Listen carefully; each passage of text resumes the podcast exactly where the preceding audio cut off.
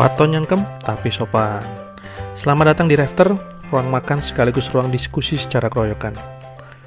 Ini merupakan episode 1 part 2 dan masih dengan Dr. Titus juga. Setelah kemarin di part 1, Dr. Titus lebih banyak menjelaskan mengenai bentuk gigi normal, penyakit gigi, hingga cara merawat gigi.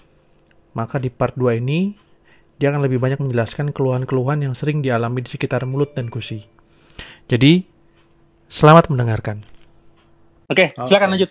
Terus, Oke, eh, kemarin itu pas kuesioner, gue pengen eksplorasi eh, pertanyaan mengenai gejala sakit gigi apa selain sakit gigi lobang gitu ya, yang pernah teman-teman alami. Gue kasih opsi kan, kayak bau mulut, susunan gigi berantakan, ngorok, gigi patah, gigi ompong, dan gigi bergemeretak. Ini eh, keluhan-keluhan yang eh, kadang teman-teman nggak sadar bahwa ini adalah eh, jatahnya dokter gigi. Bahwa kalau ka- teman-teman punya keluhan ini, silakan ke dokter gigi. Kami punya solusinya. Gitu. Jangan didiemin. Ini merupakan sebuah masalah gitu. Kita akan coba bahas satu-satu. Yang paling banyak itu teman-teman mengeluhkan bau mulut. Nah, ini topik menarik bau mulut. Kebetulan dulu skripsi saya S1 tentang bau mulut. Saya dulu penelitian mencium aroma nafas para eh, subjek penelitian saya. Bayangkan penderitaan yang harus saya alami untuk mendapatkan gelar S1 saya. Gak apa-apa, yang penting nggak nyium nafasnya cipok sih, aman sih. Hmm. Terus. Sebelum kita bahas bau mulut, kita bahas dulu karang gigi. Karang gigi itu apa sih? Itu sisa makanan atau kita kalau bahasa kampungnya itu jigong yang mengeras. Kenapa bisa mengeras? Karena lu nggak sikat. Kalau tuh jigong nempel di gigi, di gigi lo 24 jam aja, udah deh mengeras dia. Sikat gigi, kalau dia udah keburu keras, lo sikat gigi nggak bisa hilang. Harus di scaling. Scaling itu digetarkan, ultrasonik getarannya. Itu pembersihan karang gigi. Itu cuma bisa dilakukan di dokter gigi. Inilah pentingnya. Kadang kan mungkin lo sehari dua hari kelewat lupa sikat gigi. Nah ini pasti sudah ada sisa makanan yang mengeras. Nah, karang gigi tumbuhnya itu di mana sih? Karang gigi itu adalah sesuatu yang keras-keras itu yang berwarna kuning ya. Kalau Anda lihat di gigi Anda, di antara gigi dan gusi. Jadi kalau di antara gigi dan gusi lo ada kuning-kuning agak keras, kasar-kasar gitu, lo pakai kuku, lo sentuh agak kasar-kasar. Nah, itu itu karang gigi. Itu biasanya gusi sekitarnya itu merah, radang. Nah, ini kalau sikat gigi berdarahlah dia. Itu tadi contohnya bahwa kalau Anda sikat gigi berdarah 90% lah saya bilang itu Anda punya karang gigi. Karena harusnya kalau tidak ada karang gigi, sikat gigi gusi tidak berdarah, ya. Nah, jeleknya karang gigi, dia itu menghancurkan tulang di sekitar gigi. Jadi ini ini penting. Karena banyak banget pasien yang saya temui usia sekitar nih 35, 2, 30, 40 tahun ya, masih muda lah. Itu sering datang dengan keluhan, "Dok, gigi saya tidak lobang. Dok, gigi saya nggak sakit. Tapi kok goyang ya, Dok?" Nah, ini tidak lobang, tidak sakit, tapi goyang. Ya ini, Bos. Ini adalah karena tulang di sekitar giginya itu sudah rusak. Gampangnya, teman-teman bayangkan paku yang ditancap di kayu. Kalau pakunya teman-teman goyang-goyangin, yang rusak kayunya kan? Sama Ya. seperti itu. Sama seperti itu. Kalau giginya bisa goyang, berarti tulang sekitar giginya itu sudah rusak. Nah itu, kadang kalau kerusakan tulangnya sudah parah, giginya nggak bisa diselamatkan. Jadi mohon maaf, kadang ya harus dicabut ya. Harus dicabut dan terpaksa mau tidak mau membuat gigi palsu. Nah, karang gigi ini itu penyebab utama dari bau mulut. Eh, Bau terus mulut, ya nanya dong, karang gigi itu prosesnya berapa lama sehingga bisa menghancurkan tulang? Oh tahunan, tahunan. tahunan. Jadi eh, bisa satu tahun, dua tahun, lebih bahkan. Eh, makin lama ya makin hancur. Tapi prosesnya memang tahunan. Itulah makanya kalau lu cek dan rajin bersihin karang gigi setiap enam bulan, harusnya no worries. Anda tidak perlu khawatir tulang Anda rusak. Kalau rajin bersihin karang gigi. Oke. Kayak gitu. Lanjut ya, bau mulut itu nama resminya halitosis. Nama resminya. Nah ini, normalnya itu mulut kita tidak berbau. Normalnya mulut kita tidak berbau. Nah, gampangnya begini. Nih nanti malam hari sebelum tidur, kita sikat gigi ya. Besok pagi, ketika bangun, kita pasti aroma mulut itu nggak sedap. Sama seperti orang yang berpuasa. Teman-teman yang muslim ketika berpuasa, pasti merasa, aduh mulut gua baunya nggak enak nih. Itu wajar. Itu karena ada aktivitas bakteri. Tadi kan saya sudah bilang mulut kita penuh bakteri. Bakteri-bakteri itu kan, maaf ya, pup kan. Nah, ek- sekret atau uh, pupnya si bakteri itu tentu membuat bau mulut. Jadi baunya asam. Nah, ini adalah kondisi yang normal. Ya. Malam sikat gigi, pagi bangun bau normal. Coba nggak usah sikat gigi nih. Coba besok pagi teman-teman coba minum air putih atau kumur air putih. Air putih aja. Seharusnya bau tidak sedap itu akan hilang. Hmm. Nah, jika baunya tetap ada, aroma tidak sedap itu tetap ada setelah Anda minum atau berkumur air putih, berarti besar kemungkinan Anda menderita halitosis atau bau mulut. Sumber bau mulut cuma dua. Dari mulut atau dari perut. Jadi dari masalah di gigi dan mulut atau gas dari organ pencernaan, dari lambung. Cara taunya gimana dok? Nah, cara taunya beresin satu-satu. Saya biasanya saya beresin masalah kalau pasien datang ke saya keluhan bau mulut, saya akan sarankan dan lakukan perawatan seluruh gigi dan mulutnya. Gigi lobang kita tambel, ada karang kita bersihin, gigi infeksi kita rawat. Biasanya kalau seluruh masalah di giginya beres, bau mulutnya hilang. Kalau masih ada, besar kemungkinan dari organ pencernaan. Nah, Hmm. ini juga saya tadi menyangkut nyambung ke komentar dari Bung Jimmy, ada teman kantornya yang sering sikat gigi gitu ya. Besar kemungkinan teman kantornya menderita halitosis. Karena Hmm. ciri-ciri orang punya bau mulut akan menyamarkan bau mulutnya dengan Hmm. cara parfum berlebihan, rokok Hmm. atau pakai spray, spray penyegar mulut berlebihan. Kayak gitu. Hmm. Jadi kalau punya teman-teman nih, punya kenalan yang wangi banget parfumnya atau rokoknya kenceng banget, jangan-jangan. Ini jangan-jangan dia Hmm. punya masalah di bau mulut. Kayak gitu. siap Jadi siap.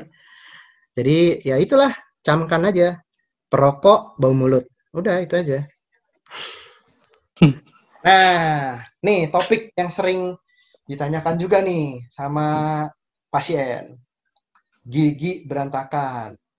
Hmm. Nah, Jadi inget temen nih kayaknya. nah, banyak banyak banyak.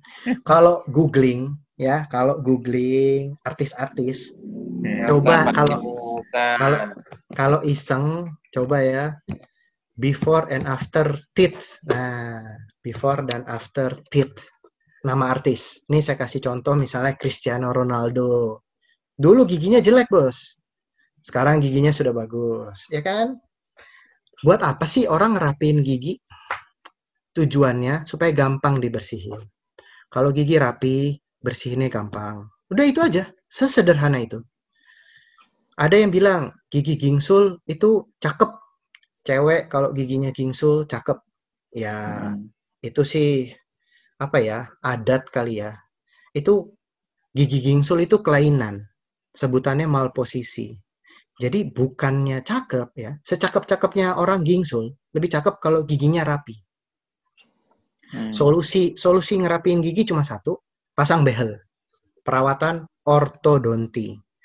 Dan sebaiknya ke dokter gigi spesialis ortodonti supaya hasil bisa maksimal dan bisa dipertanggungjawabkan. Nah, teman-teman mungkin kenal ya artis Indonesia bernama Eli Sugigi. Nah, saya suka tuh nyebutin ke pasien bahwa nantinya orang tuh akan Eli Sugigi pada waktunya. Artinya apa sih? Mbak Eli Sugigi ini dulu menganggap gigi, maaf ya, gigi tonggosnya itu eh, sumber rezeki. Ya kan? Bawa hoki katanya. Nah, dia nggak mau tuh giginya eh, dirawat. Sekian tahun dia betah dengan kondisi itu. Sampai akhirnya apa? Sekarang Eli Sugigi itu giginya dipasangin behel. Dan hasilnya apa? Tampak lebih cakep, lebih cantik dari sebelumnya. Silahkan Hmm. teman-teman googling sendiri atau bisa dilihat di presentasi Zoom ini. Ini Hmm. hasilnya. Ini hasilnya. Eli Surapi sekarang namanya ya. Iya, Eli Surapi sekarang. Surapi kalau Gila, kata orang timur kan. Emang Iya. maksimal sampai berapa tahun sih dok itu bisa pasang behel untuk umuran kita masih bisa nih? Bisa, bisa. Pasang behel itu semakin dini semakin baik, ya. Hmm. Karena ketika usia remaja, tulang kita itu belum padat. Jadi kalau pasang behel pas remaja, nah misalnya nih teman-teman ada yang punya anak usia memasuki usia remaja, kelas eh, 1 SMP gitu ya, kelas-kelas SMP lah. Itu kan giginya harusnya sudah permanen semua dan mulai terlihat nih giginya calon-calon berantakan. Pasangin behel sesegera mungkin. Karena akan cepet. 1-2 tahun selesai. Kalau seumur kita 30-40 tahun atau lebih tua lagi, tetap bisa, tetap bisa, tapi butuh waktu yang lebih lama untuk merapikan gigi. Mungkin bisa sampai 3-4 tahun atau lebih. Kayak gitu. Karena tulang kita sudah lebih padat. Untuk geser-geser Oh. gigi, Ya, jadi ya. lebih susah. Iya, kayak gitu. Jadi kalau teman-teman punya anak, punya ponakan, usia-usia SMP, giginya jelek, sarankan baik-baik ya, pelan-pelan sarankan pasang behel. Pasang behel. Karena itu adalah investasi di masa depannya. Oke. Nah, Ini topik berikutnya yang ingin saya bahas. Tidak menarik sebenarnya, karena eh, nggak banyak orang tahu bahwa ini adalah keluhan. Misalnya teman-teman mempunyai kondisi, saya sebutkan ya, tidak bisa atau sulit membuka mulut, terutama bangun pagi. Bangun pagi nggak bisa buka mulut nih, mulutnya kayak terkunci. Nah, atau ketika teman-teman pernah buka mulut super lebar, misalnya habis ngakak kenceng gitu ya, atau menguap lebar, terus ada saat di mana teman-teman nggak bisa tutup mulut. Itu berarti teman-teman punya kelainan sendi rahang. Contoh lain adalah kalau teman-teman tidur gemeretek giginya. Seperti ngunyah, tapi digesek-gesek kanan kiri. Nah, ini biasanya kita nggak sadar ya, karena kan kita lagi tidur. Yang biasanya yang mengeluhkan itu teman tidur kita, entah istri, suami, Ya, Atau yang lain. kita. Nah, dia ngeluhin tuh, giginya berisik banget sih lu kalau tidur. Hmm. Nah, itu istilahnya bruxism. Itu salah satu kelainan sendi juga. Atau kalau teman-teman buka, tutup mulut, ada bunyi klik di rahang Anda. Entah kanan, entah kiri, entah kanan kiri. Itu ada kelainan. Apalagi kalau sampai buka mulut sakit rahangnya. Wah, udah itu mah udah tanda-tanda kelainan sendi rahang. Dan yang menarik adalah ngorok. Nah, ngorok, Oh. ngorok ternyata ada eh punya kemungkinan untuk disembuhkan. Ngorok Hmm. bisa disembuhkan. Hmm. Solusinya hubungi dokter gigi spesialis prostodontia terdekat. Ya. Hmm. Lu dong. Kirain solusinya nggak boleh tidur. Kalau ko- korelasi ngorok sama kecapean itu ada nggak sih sebenarnya? Ada, ada. Karena eh, logikanya gini, eh, eh, ngorok itu kita nafasnya terganggu. Jadi eh, kita suplai oksigen terganggu. Makanya kita tadi kan harusnya nafas lewat hidung. Karena suplainya terganggu, kita nafas, ambil nafas, ambil oksigen ketika tidur dari mulut. Makanya bunyi ngorok. Misalnya eh, sering itu kalau teman-teman punya eh, sedang pilek. Nah, kalau sedang pilek eh, probabilitas atau kemungkinan teman-teman ngorok itu lebih besar. Kecapean, kecapean juga kan pas tidur tubuh berusaha memulihkan tubuh kan. Berarti tubuh eh, berusaha mengambil oksigen lebih banyak dari biasanya. Dari hidung kurang. Jadi dia ambil juga lewat mulut, makanya ngorok. Kayak gitu. Ngorok itu bisa disembuhkan dengan cara kalau tidur nanti mesti pakai alat. Pakai alat untuk mengurangi eh, eh, ngorok itu dengan cara membuka jalan nafas. Nah, ini berkaitan juga, ini eh, informasi tambahan aja. Sekarang itu yang lagi dibahas di dunia kedokteran gigi adalah mengenai henti napas atau bahasa kerennya itu sleep apnea. Kalau teman-teman mau googling sleep apnea, apneanya biasa A P N E A. Sleep apnea. Itu henti napas, artinya ketika tidur kita berhenti napas. Art, ah, hasilnya apa? Banyak yang pasien sleep apnea itu meninggal. Jadi ini sudah ada penelitiannya di luar negeri. Sayangnya di Indonesia masih kurang ya. Eh, kan tadinya kalau ada eh, orang ketika tidur lalu meninggal itu di seringnya dianggap serangan jantung. Tapi ternyata bukan. Banyak penelitian yang mengkonfirmasi bahwa ketika tidur terjadi henti napas, pasiennya meninggal. Jadi bukan karena serangan jantung, karena henti napas. Dia berhenti napas, secara nggak sadar nggak napas. Sekian detik nggak napas, jantung dan otak mati. Tidak dapat suplai oksigen. Tapi pembahasan ini akan panjang, jadi ya saya hanya sekedar informasi. Teman-teman boleh mencari informasi tambahan lainnya atau menghubungi dokter gigi spesialis prostodontia terdekat. Biasanya uh, karena pas uh, kuliah spesialis cuma bagian kami yang mempelajari hal-hal seperti ini. Nah, contohnya kalau teman-teman mau googling lagi, itu Didier Deschamps. Kalau yang nggak tahu Didier Deschamps itu siapa, itu uh, pemain sepak bola, dulunya pemain sepak bola, kapten Prancis ketika juara dunia 98. Terus dia jadi pelatih, dia melatih tim Prancis juara dunia 2018. Nah, uh, Bapak Didier Deschamps ini contoh contoh ekstrim orang yang bruxism. Giginya gemeretak ketika tidur efeknya apa sih dok? Gigi gemeretak ketika tidur kan berisik doang. Enggak, enggak berisik doang. Ya karena ketika dia ngunyah, yang dia kunyah giginya kan. Giginya sendiri. Alhasil giginya hancur. Jadi tipis. Nah, jangan seperti Bapak Didier Deschamps, dia tunggu juara dunia kedua kalinya tuh si Prancis, baru dia benerin giginya.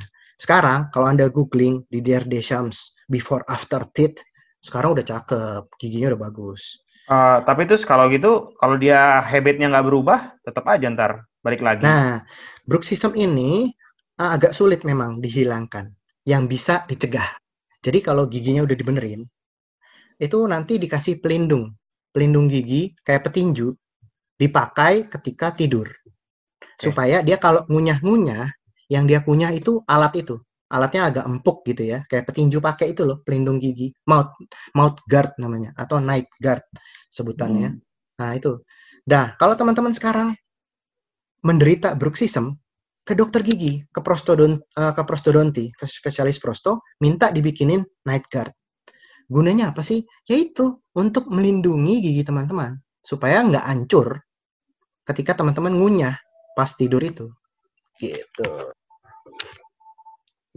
Nah, berikutnya ini gigi patah. Pernah ada teman yang giginya patah di sini? Kayaknya dulu di asrama banyak tuh ya yang giginya patah. Nah, itu traumatis. Makan bakwan tuh ada makan bakwan. Hmm. Nah, makan bakwan giginya patah, ngepel jatuh giginya patah, berantem giginya patah. Jangan khawatir. Gigi patah bisa dibenerin. Bisa dibenerin. Ah, zaman sekarang bahkan ngebenerin gigi patah itu bisa seperti gigi asli. Gigi asli lagi.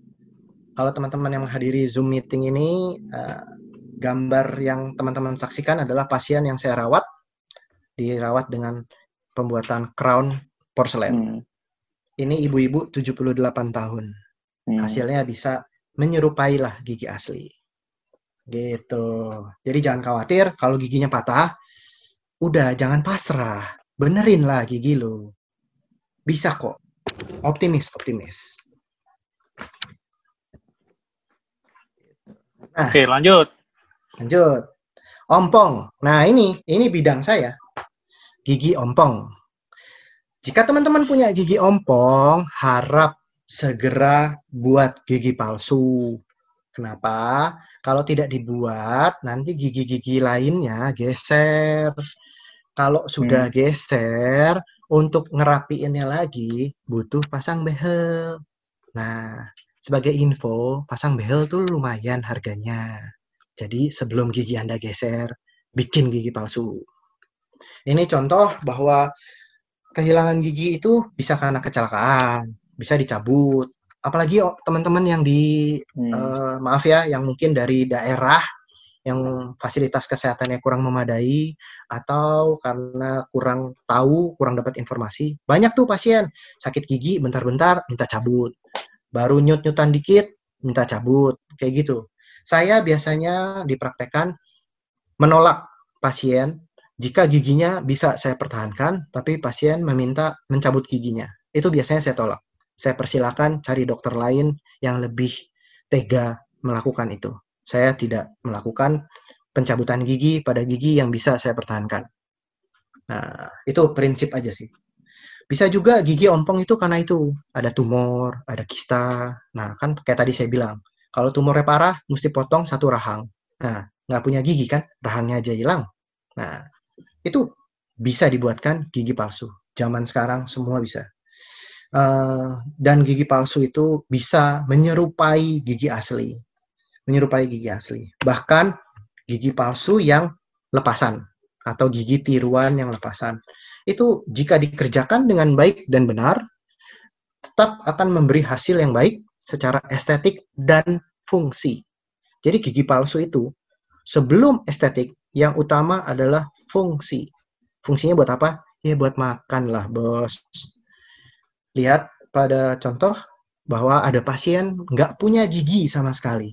Mungkin ayah, ibu, kakek, nenek dari teman-teman ada nih yang kayak gini. Giginya udah tinggal sedikit. Nah, sebagai anak atau cucu yang berbakti, hadiahilah, berikanlah, persembahkanlah kepada mereka gigi palsu yang baik dan benar. Supaya mereka di hari tuanya bisa makan steak. Gitu.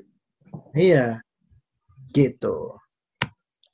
Nah, ini juga salah satu topik menarik berikutnya adalah mengenai bleaching. Ini banyak ditanyakan di kuesioner kemarin. Dok, gimana sih supaya gigi saya putih? Dok, supaya gigi saya bisa lebih cemerlang bagaimana? Hmm. Nah, bahwa gigi kita itu memang tidak putih aslinya. Warnanya memang kuning gading. Dari sononya kuning gading. Dan tidak bisa dijadikan putih. Secara alami gigi kita itu bisa dicerahkan. Makanya konsep yang benar adalah tooth brightening, bukan tooth whitening. Jadi bukannya diputihin, tapi dicerahin, dicerahkan, brightening. Itu bisa dengan proses bleaching. Ya, cuma ada harga ada rupa. Lu mau cakep, ya biayanya lumayan. Kalau mau putih, kayak artis-artis, seperti tadi slide pertama kita, Soimah dan Deddy Corbuzier, itu namanya di veneer. Itu topik bahasan sendiri nanti, karena veneer itu eh, rumit, tapi hasilnya akan luar biasa. Eh, akan menyerupai senyum-senyum Hollywood lah. Hmm. Kalau yang karena kelainan penyakit, itu ada nama kondisinya giginya itu kena pengaruh antibiotik tetrasiklin. Ini biasanya kalau dulu teman-teman mengalami uh, sakit pernafasan, biasanya antibiotik of choice-nya, antibiotik yang dijadikan obat adalah tetracycline. Itu biasanya cirinya khas. Giginya keseluruhannya berwarna gelap. Nah, itu juga bisa diperbaiki. Nah, warna gigi gelap juga bisa disebabkan kalau giginya mati. Misalnya teman-teman pas kecil pernah kejedot, terbentur. Sekarang gigi teman-teman berwarna hitam, satu doang atau dua. Yang lain bagus, sat- dua gigi hitam karena trauma. Nah, itu karena giginya mati, bekas perawatan. Hmm. Teknologi sekarang udah canggih ya, itu bisa dibenerin. Antara dibikin veneer atau dibikin crown. Anda bisa mempunyai warna gigi yang lebih baik lagi. Tentu akan menunjang penampilan dan juga eh, percaya diri teman-teman ya. Kalau punya gigi gelap gini kan pasti senyum bibir Cerah. tertutup ya. Nah, kalau giginya gelap gitu senyum cuma mesem doang ya. Apa sih istilahnya tuh yang senyum tapi gigi nggak kelihatan? Nah. Mesem, Kalau se- mesem. ya. Kalau giginya bagus kan senyum gigi kelihatan. Ya kan? Betul. Oke dok, Eh, terus ini kan udah banyak nih yang lo jelasin.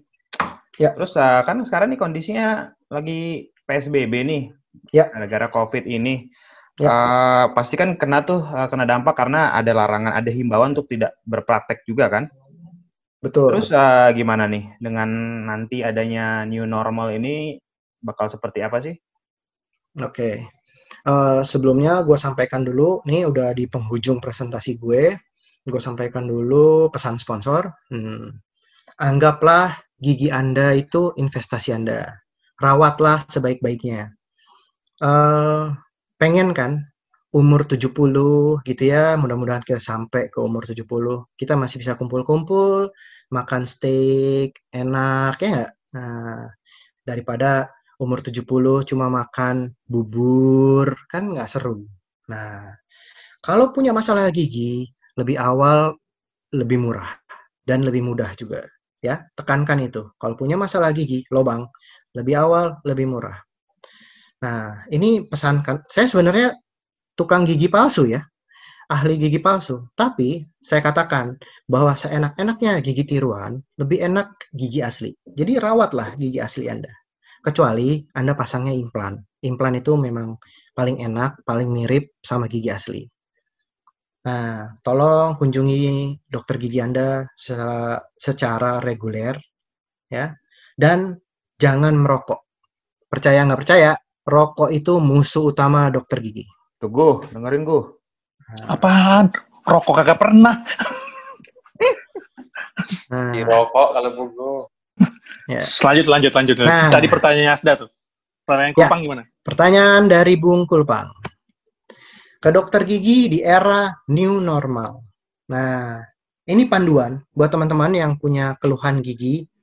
eh, boleh kok berobat ke dokter gigi untuk kasus-kasus darurat. Sakit cenut-cenut itu sih wajib ke dokter gigi, ya. Tapi pastikan Anda eh, mengikuti panduan seperti ini. Anda ke dokter gigi, pastikan Anda tidak demam, tidak batuk, dan tidak pilek.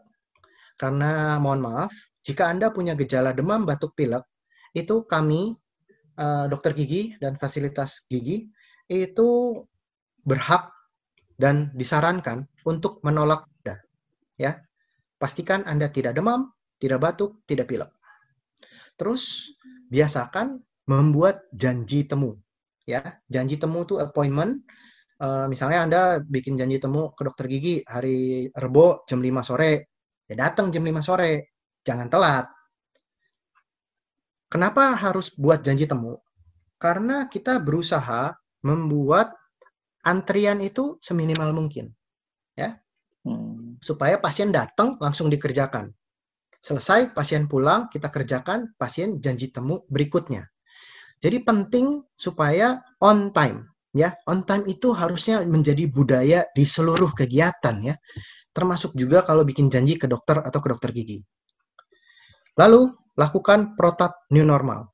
Masker, cuci tangan atau hand sanitizer dan social distancing. Dan eh, hindari bawa rombongan ke klinik. Rekor saya yang berobat satu, yang nganter delapan. Jadi sembilan orang masuk ke ruangan. Ruangannya cuma empat kali empat. Nah, lu bayangin dah tuh berapa ramenya. Jadi hindarilah bawa rombongan kalau lagi berobat ke dokter gigi. Nah, tips buat teman-teman mencari klinik gigi di kala corona ini, cari yang berdasarkan janji temu. Jangan yang Anda telepon, saya mau berobat. Oh ya, silakan datang. Jangan. Karena nanti Anda nunggu di ruangannya lama, ya kan? Nah, cari yang berdasarkan janji temu. Jangan yang walk in, supaya Anda tidak antri, supaya tidak menunggu lama. Terus uh, pastikan dokter gigi dan staf kliniknya menggunakan APD alat pelindung diri yang sesuai. Lalu uh, boleh ditanyakan atau kalau anda sudah tahu ya boleh juga uh, sterilisasi dan disinfeksi alat serta ruangan klinik tersebut itu kalau bisa baik dan bahkan lebih baik lagi di era corona ini. Prinsipnya, lu takut tertular oleh dokter gigi. Dokter gigi juga takut tertular oleh Anda. Jadi sebaiknya kita sama-sama lah saling menjaga. Kira-kira begitu, Mas Asda? Eh, Mas Kulpang, maaf. Oke, okay. thank you Tus. Uh, seperti janji di awal tadi, jadi kalau teman-teman mau bertanya ya. bisa melalui chat. Nah, sekarang kita akan memilih beberapa pertanyaan, nanti akan dipilihkan oleh Kulpang. Jadi ya langsung aja ya Pang ya, pilih ya, aja Pang, boleh. langsung ditanyain ke Titus. Uh, ini pertanyaan pertama nih dari Andreas, Mas Andreas nih, Andreas Julius uh, mau nanya dia maminya lagi perawatan akar, harusnya perlu lima kali kunjungan, yes. tapi baru tiga kali uh, stop gara-gara pandemi ini. Yeah. Baru sampai uh, tambalan sementara. Yeah. Sampai sekarang belum ke dokter gigi lagi karena masih takut. Kira-kira tambalan sementara itu tahan berapa lama sih dok?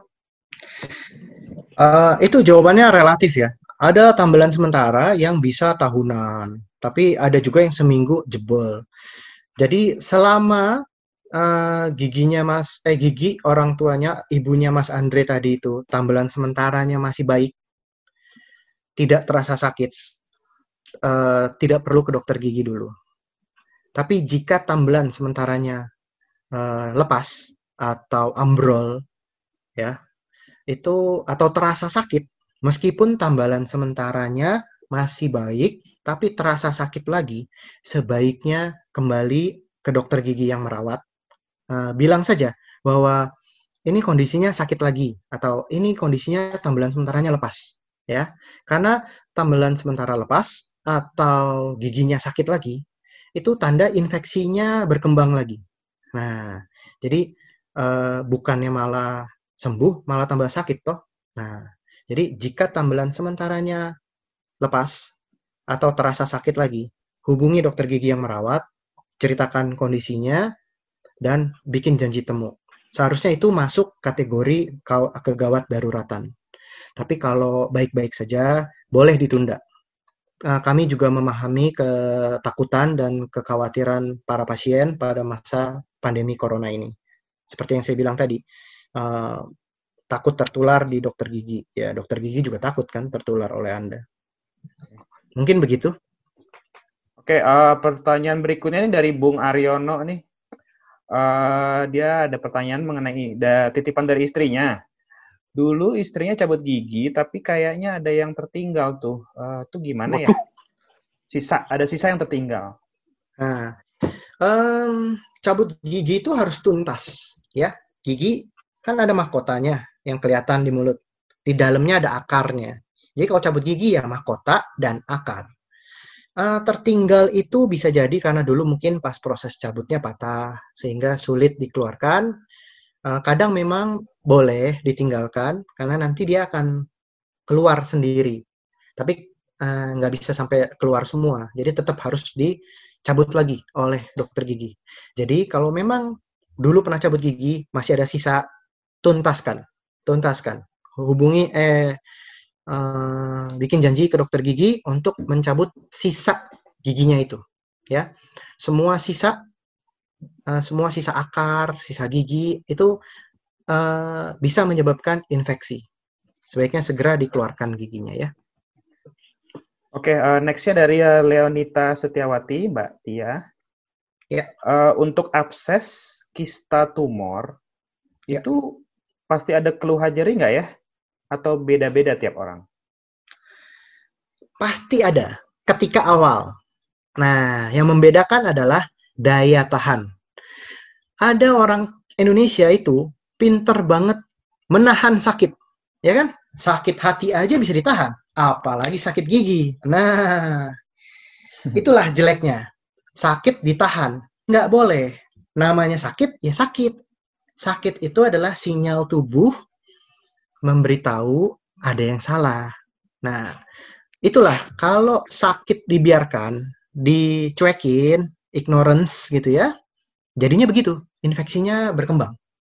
Berkembang, uh, abses kista tumor itu perjalanannya tahunan. Hampir nggak ada yang setahun tiba-tiba parah banget gitu nggak ada. Kalau ada itu bukan tumor namanya, kanker. Kanker, kanker kan ada yang ganas, ada yang jinak. Nah kalau ganas persebarannya cepat, tapi kan nggak cuma di mulut, nyebar bisa ke mana-mana kalau kanker kan. Nah kita ngomong yang localized, yang lokal di mulut aja itu abses, kista, tumor, ya. Uh, lanjut nih ya. Hmm? Uh, dari Mas Dadis Hendrato. Ya. Saya pernah baca di ruang praktek dokter gigi kalau karis atau karies atau karang terbentuk dua menit setelah mengkonsumsi protein. Itu benar nggak dok? Berarti Aman. kalau gitu harus segera sikat gigi dong kalau habis makan protein. Nah, eh, yang terbentuk disebut biofilm atau plak. Nah, jadi memang betul ketika kita makan pasti ada eh, sisa-sisa makanan halus, lapisan tipis nempel di gigi. Itu namanya biofilm atau plak Hmm, awal. hmm. Nah, itu kalau masih plak awal, masih empuk ya, itu di eh, apa disikat gigi hilang. Betul, langsung disikat bisa hilang. Tapi itu tadi yang saya sudah sebutkan sebelumnya. Jangan langsung setelah makan, kasih jeda. 30 menit lah atau 15 menit lah kalau Anda buru-buru baru sikat gigi. Nah, tapi mengerasnya itu hitungan jam. Lebih dari 24 jam. Jadi makanya sikat gigi dua kali sehari itu cukup. Sudah sangat cukup untuk mencegah si biofilm itu menjadi keras permanen. Seperti itu kira-kira jawabannya. Ini dua pertanyaan lagi masih boleh dok? Oke, boleh. Ini dua pertanyaan terakhir ya, Pak. Ya. dari Mas Agustinus Titis. Eh, anak saya umur lima tahun kalau tidur sering gigi gemertakan. Minta saran please, masih bisa di ini nggak mumpung masih lima tahun. Nah, ini termasuk kasus yang langka ya. Tapi memang ada beberapa yang dilaporkan bahwa ada anak-anak yang hmm, gemeretek ketika tidur. Sebagai orang tua, yang bisa Anda lakukan adalah menye- eh, kayak nepuk-nepuk pipinya. Bangunin tuh anak. Bangunin anaknya. Nggak usah sampai bangun beneran. Biasanya kalau dia gemeretek gitu, eh, dipuk-puk gitu pipinya, ditepok-tepok pipinya, dia akan sadar lalu biasanya eh, berkurang gemereteknya. Karena gemeretek itu tadi seperti sudah dibahas oleh para moderator kan itu bisa juga karena ke- kelelahan. Bisa jadi coba eh, Mas Titis eh, perhatikanlah anaknya. Setiap harikah terjadi gigi gemeretek itu atau hari-hari tertentu di mana anaknya terlalu capek bermain mungkin ketika sore hari atau anaknya ya kalau orang dewasa sih stres ya. Eh, Stres itu bisa memicu bruxism atau gemeretek itu. Tapi kan kalau anak kecil lima tahun rasanya nggak mungkin ya gem- gemereteknya karena stres. Nah, coba diperhatikan saja. Eh, kalau pas dewa, pas anak-anak tidak perlu terlalu khawatir karena giginya masih gigi susu. Dan yang nomor dua, otot-otot eh, di mulutnya, otot eh, pipinya belum terlalu kuat. Jadi efeknya tidak terlalu parah. Dan berita baiknya adalah itu biasanya hilang seiring waktu. Jadi tidak perlu terlalu khawatir berlebih jika kebetulan Mas Titis melihat anaknya gemeretek pas tidur, dipuk-puk aja anaknya. supaya dia berhenti gemeretak giginya. Oke, eh, terakhir nih. Eh, ada pertanyaan dari Mas Noel, Noel Bim Bim. Em, dok, mau nanya kalau oil pulling itu perlu nggak? Dan Ah? ada manfaatnya nggak? Apa? Oil pulling. Apa tuh? Oil pulling. Wah, ini ngerjain nih kayaknya nanyanya nih. Enggak, enggak, enggak. Kalau, kalau aku baca di googling tuh, air pulling adalah salah satu perawatan alternatif untuk rongga mulut. Oil pulling dipercaya dapat menjaga kebersihan rongga mulut, memutihkan gigi, mencegah jerawat, mencegah asma, dan sebagainya. Itu versi Wikipedia. Ah, itu mungkin nggak dipelajari di dunia medis kali ya. Saya baru dengar tuh oil pulling. Botox aja gue pelajar, tapi oil pulling gue nggak belajar. Kafala mungkin dok. Kalau kafala pernah denger nggak lo? Kafala oil pulling also known as kafala or gundasa. Ah, nah, Komen- nggak belum pernah dengar. Mohon maaf. Jadi ancient. Ayurvedic dental technique. Ya, Atau mungkin dia taunya dari dukun kali itu, si Noel. Ya, jadi itu di skip aja. Google sendiri Ya, aja kali ya. Nah, Iya, Oh, iya. nanti mungkin dokter itu bisa langsung jawab via email. ya boleh boleh. Ah, saya ada satu pertanyaan yang dari kuesioner yang menurut saya bagus. Saya bagikan ya, boleh ya? Anggap Oke. aja pertanyaan Bung Noel ini anulir lah. Jadi ada pertanyaan dari teman, salah satu teman, maaf ya, saya tidak tahu penanyanya siapa karena kan kuesionernya anonim. Itu mengenai ronsen gigi. Ah, itu pertanyaannya bagus banget ya. Eh, dia menanyakan, ba- apakah kita bisa mengetahui kondisi kesehatan gigi kita dari ronsen? Jawabannya bisa. Ronsen gigi itu eh, yang paling umum buat melihat kondisi gigi kita keseluruhan adalah ronsen panoramik. Kalau teman-teman yang pernah ke dokter gigi biasanya pernah nih di ronsen panoramik yang kelihatan seluruh gigi atas bawah kiri kanan. Ronsen panoramik itu alat eh, diagnosa yang sangat membantu. Itu ronsen panoramik itu bisa sampai eh, 2 sampai 3 tahun berlaku. Jadi kalau ada dokter gigi yang menyarankan 6 bulan sekali ronsen panoramik itu eh, kurang tepat. Sebaiknya sih nggak usah sering-sering. Namanya kan radiasi ya. Dua tahun sekali cukup. Kecuali ada eh, tindakan yang dilakukan. Nah, dari ronsen panoramik itu kita bisa lihat gigi kita sehat atau tidak. Dengan cara dari ronsen panoramik itu kita lihat akar giginya. Seluruh gigi kita cekin akarnya. Ini yang biasa saya lakukan sebagai dokter gigi ya. Yang pertama saya cek pasti akarnya dulu. Kita lihat ujung akar ada kehitaman tidak. Gigi nancep di tulang. Kalau giginya sehat, tulangnya sehat, di ronsen semua warnanya putih. Kalau ada kehitaman di ujung akar, itu tanda ada infeksi. Itu pertama. Kalau seluruh akar baik, tidak ada kehitaman, berikutnya yang kita cek adalah giginya. Gigi kan benda keras. Kalau di ronsen, putih. Kalau di giginya ada kehitaman, itu tanda lobang.